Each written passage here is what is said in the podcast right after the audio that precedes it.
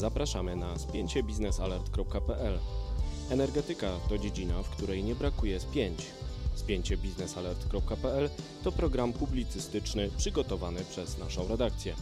To fuzja najważniejszych faktów i różnorodnych opinii na tematy istotne z punktu widzenia sektora energetycznego. Energia elektryczna i gaz, atom i OZE wszystkie te zagadnienia mieszamy niczym miks energetyczny dogłębnie i z komentarzem na koniec każdego tygodnia. Szanowni Państwo, nazywam się Wojciech Jakubik, jestem redaktorem naczelnym biznesalert.pl i miło mi powitać mojego redakcyjnego kolegę Mariusza Marszałkowskiego. Cześć Mariusz. Dzień dobry, cześć. E, witamy w programie Spięcie biznesalert.pl, w którym poruszamy e, tematy budzące napięcie, które wywołują właśnie spięcia w dyskusjach o sektorze energetycznym. I dzisiaj przyjrzymy się e, tematowi białoruskiemu, temu czy Białoruś faktycznie na serio chce porzucić dostawy ropy z Rosji, czy tylko gra w ten sposób, żeby po raz kolejny w historii uzyskać jakieś koncesje od Władimira Władimirowicza Putina. I zacznijmy może od tego, żeby opowiedzieć, co też takiego historycznego ostatnio stało się w porcie w Kłajpedzie i dlaczego ma to znaczenie dla e, nieco odległej Białorusi. Znaczy, to, to co, co się e, stanie, czy to jest jeszcze przyszłość, bo to prawdopodobnie. Dostawy w czerwcu, okej. Okay pierwszym, pierwszym tygodniu czerwca faktycznie dojdzie do tego przełomowego wydarzenia, którym jest niewątpliwie pierwsza dostawa amerykańskiej ropy e, dla klienta białoruskiego. E, nie jest to pierwsza dostawa spoza e, Rosji, oczywiście, bo o tym piszemy też regularnie od stycznia, bo wtedy miały miejsce pierwsze decyzje na, to, na temat dywersyfikacji dostaw ropy, takiej w ostatnim czasie.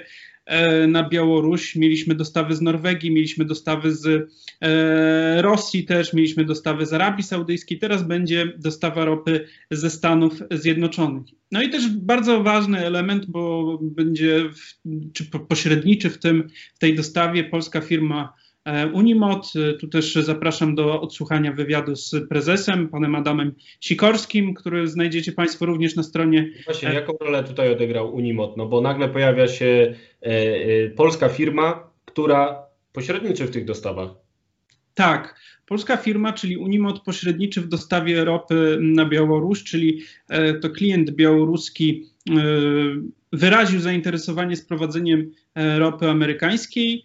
E, Unimod jako trader, czyli firma, która zajmuje się pośrednictwem w tego typu operacjach, czyli e, zorganizowaniem gatunku, odpowiedniego gatunku ropy, zorganizowaniem terminalu przeładunkowego, z którego ta ropa zostanie przeładowana na tankowiec, zorganizowanie tankowca, w tym przypadku akurat to jest tankowiec, to też ciekawostka, jest to tankowiec rosyjskiej kompanii państwowej, E, Sowcą Flot, która transportuje ten ładunek ropy amerykański typu Bakken do właśnie portu w Kłajpedzie.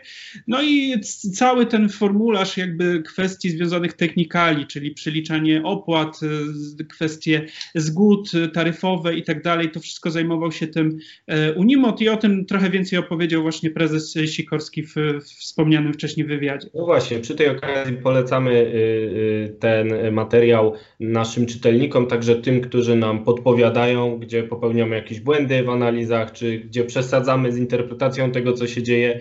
E, zapraszamy do dyskusji na ten temat. Myślę, że jesteśmy otwarci, e, że, że, że właśnie o to chodzi, żeby sobie na rynku opinii podyskutować o tym, jak naprawdę jest, bo oczywiście można szukać tutaj wielu e, podtekstów. Jak nie wiadomo o co chodzi, to albo George Soros i rozprzestrzenianie koronawirusa, tudzież inne teorie spiskowe, albo coś bardziej rzeczywistego, czyli właśnie próby uniezależnienia się Białorusi od Rosji. Wiadomo, że dostawa ze Stanów Zjednoczonych, dostawa z Norwegii, z Arabii Saudyjskiej to są póki co dostawy testowe, które pozwolą Białorusinom ocenić, na ile mogą sobie pozwolić na tę dywersyfikację. No ale pojawiły się też określone liczby, że Białorusini chcieliby, żeby nawet jedna czwarta dostaw potrzebnych temu krajowi docierała w formie właśnie takich jednorazowych dostaw spotowych tankowcami, czy to przez QIPD, czy to e, innymi szlakami, bo Mariusz napisał bardzo ciekawy tekst o trzech szlakach dywersyfikacji dostaw na Białoruś i warto w tym kontekście tylko wspomnieć, że e, jest to oczywiście port w Kłajpedzie na Litwie,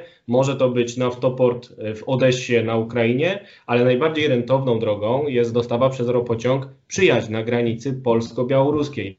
I tak się składa, że po kilku zmianach technologicznych, po kilku e, ustaleniach politycznych i po podpisaniu jakiegoś kontraktu długoterminowego można sobie wyobrazić, że ta ropa będzie docierać już nie ze wschodu przez Białoruś e, do Polski, ale na przykład e, przez naftoport w Gdańsku z każdego możliwego kierunku przez Polskę e, ropociąg e, Drużba, czyli przyjaźń na Białoruś, tak zwanym rewersem, który można już przygotować. Tylko wszyscy czekają na to, czy Łukaszenka rzeczywiście się na taki ruch zdecyduje.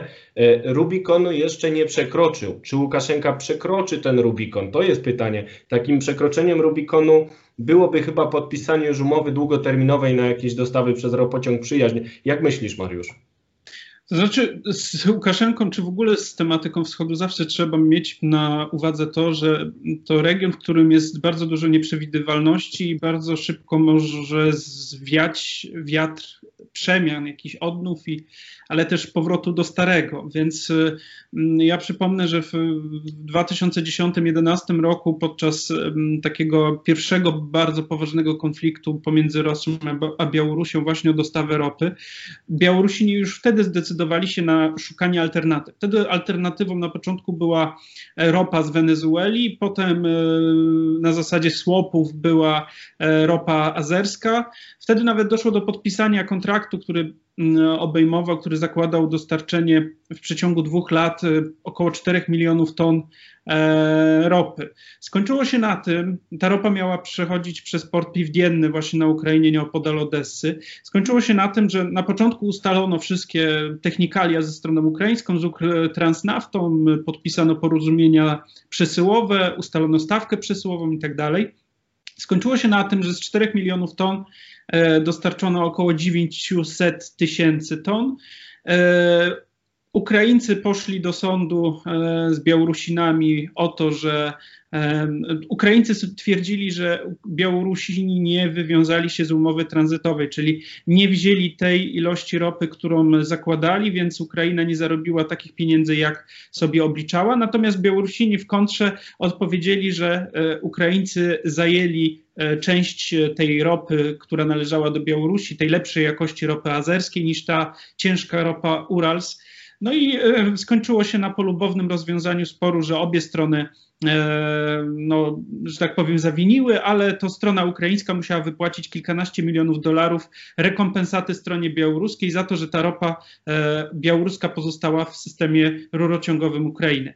I niesmak Więc... pozostał. Niesmak pozostał, jest to pewne memento też dla Polaków, którzy teraz się zastanawiają, czy wchodzić, na ile wchodzić w te konszachty z Łukaszenką, który jednak ma pewną cezurę czasową przed sobą, to znaczy premia która pozwalała Białorusinom zarabiać na przerobie ropy rosyjskiej, kończy się w 2024 roku, kiedy przestanie, przestanie Białoruś korzystać na tym, że nie do, że płaci trochę mniej za ropę rosyjską ze względu na manewr podatkowy, który dopiero zostanie wprowadzony. To są skomplikowane zmiany, które w tekstach opisujemy na Business Alert, ale skutek jest taki, że po 2024 roku Białoruś nie będzie miała tej premii bycia pośrednikiem w dostawach ropy rosyjskiej czy pośrednictwie e, w dostawach produktów naftowych. No i będzie miała wielki problem, bo jest to kluczowe źródło przychodów Białorusi. I wtedy także może zakończyć się już dyskusja o dalszej integracji politycznej Białorusi i Rosji w ramach Związku Białorusi i Rosji, w ramach e, Eurazjatyckiej Unii Celnej. E, w dyskusji medialnej na ten temat pojawia się taki myk,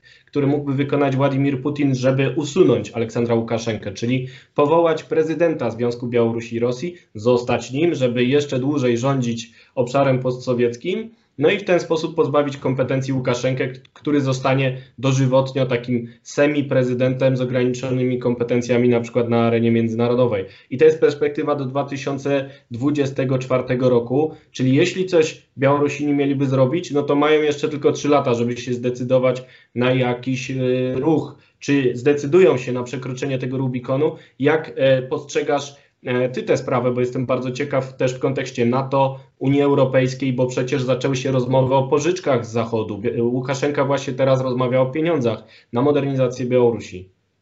Tak, znaczy mm, tu w tych kwestiach związanych z, nazwijmy tym szerszym polem geopolitycznym, czyli tym, e, tą integracją Białorusi i Rosji, to trzeba pamiętać, że w pewnych polach te, te, te, ta współpraca i tak już jest od kilkunastu lat bardzo bliska. To znaczy w sektorze zbrojeniowym e, firmy białoruskie są stałym dostawcą komponentów dla rosyjskiego przemysłu zbrojeniowego. Mówię tutaj na przykład o pojazdach, które są wykorzystywane w systemach przeciw, obrony przeciwrakietowej. Te białoruskie mazy właśnie są, są podwoziem tego, mm, tych, tych, tych, tych systemów. Tak samo systemy rakiet międzykontynentalnych też są na białoruskich podwoziach. E, systemy celownicze w rosyjskich czołgach i pojazdach opancerzonych też są produkcji białoruskiego Pelengu na licencji francuskiej skądinąd.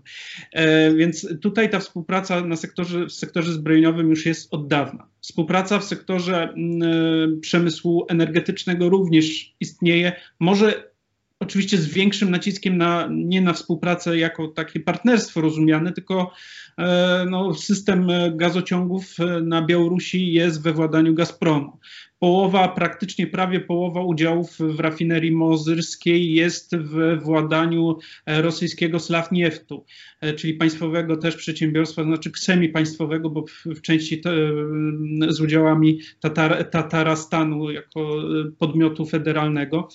Więc e, Tutaj te, te elementy współpracy Białorusi i Rosji są bardzo głębokie, no i nazwijmy to tak sobie wprost, one już są zintegrowane z Rosją.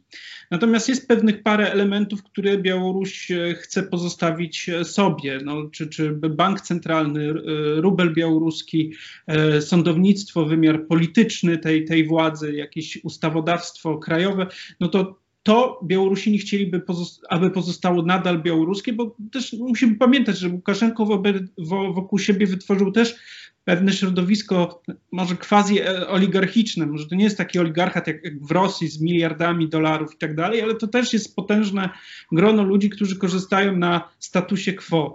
No i jeżeli ten status quo zniknie, to ci ludzie też stracą swoje wpływy, swoje przywileje i z poziomu państwowego, na który mają teraz, teraz wpływ, czyli na politykę zagraniczną, na, na cła, na jakiś eksport i tak dalej, no staną się jednym z subiektów czy podmiotów e, Federacji Rosyjskiej z całym inwentarzem, czyli z jednej strony pewnie z jakimiś subwencjami, z jakimś wsparciem z Moskwy finansowym i tak dalej, i tak dalej, ale z drugiej strony też z ograniczonymi kompetencjami w kwestii na przykład podejmowania jakichś szerszych decyzji inwestycyjnych, zagranicznych i tak dalej. I myślę, że to jest jakby klucz tej, tej, tej integracji. Natomiast jeżeli chodzi o samą współpracę z Zachodem, no to Łukaszenko jest mistrzem w działaniu na wielu frontach. Z jednej strony współpracuje z Rosją e, energetycznie, zbrojeniowo, z drugiej strony buduje bodajże wielki kamień, ta inwestycja z Chinami pod, e, pod Mińskiem e, technologiczna. E, przemysł zbrojeniowy również e, w ostatnich latach współpracuje blisko z przemysłem zbrojeniowym Chin.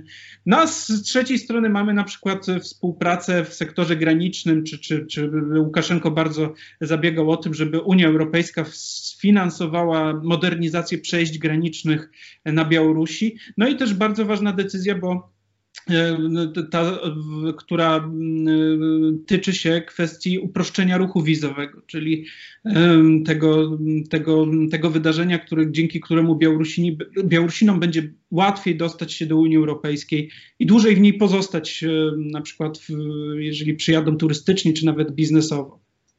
No i zobaczymy, jak to będzie, bo najlepszym podsumowaniem tej dyskusji może być fakt, że e, jedyne, co Białoruś skutecznie jest w stanie sprzedawać e, w Unii Europejskiej, to jest ropa czy produkty ropopochodne, na przykład na rynku polskim, a te pochodzą e, pośrednio z Rosji. I nawozy.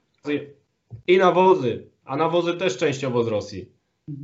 No tak, nawozy przede wszystkim na rosyjskim gazie, no bo to też trzeba no powiedzieć. No i tak, no więc y, ta sytuacja białoruska jest nie do pozazdroszczenia. Zobaczymy, czy tym razem e, Łukaszenka przekroczy Rubikon. Na razie tego nie zrobił. Na razie historia nakazuje ostrożność i Polacy tę ostrożność zachowują. Mówią, że oczywiście, jeśli Białorusini będą chcieli, to e, ropociąg przyjaźń stoi otworem, ale czekamy na rozstrzygnięcia. I my, jako Business Alert, także czekamy na te rozstrzygnięcia. Będziemy o nich mówić w kolejnych spięciach biznesalert.pl. Tymczasem dziękuję Państwu Mariusz Marszałkowski, Wojciech Jakubik, ekipa e, z redakcji biznesalert.pl. Zapraszamy do kolejnego odcinku. Do widzenia. Do widzenia.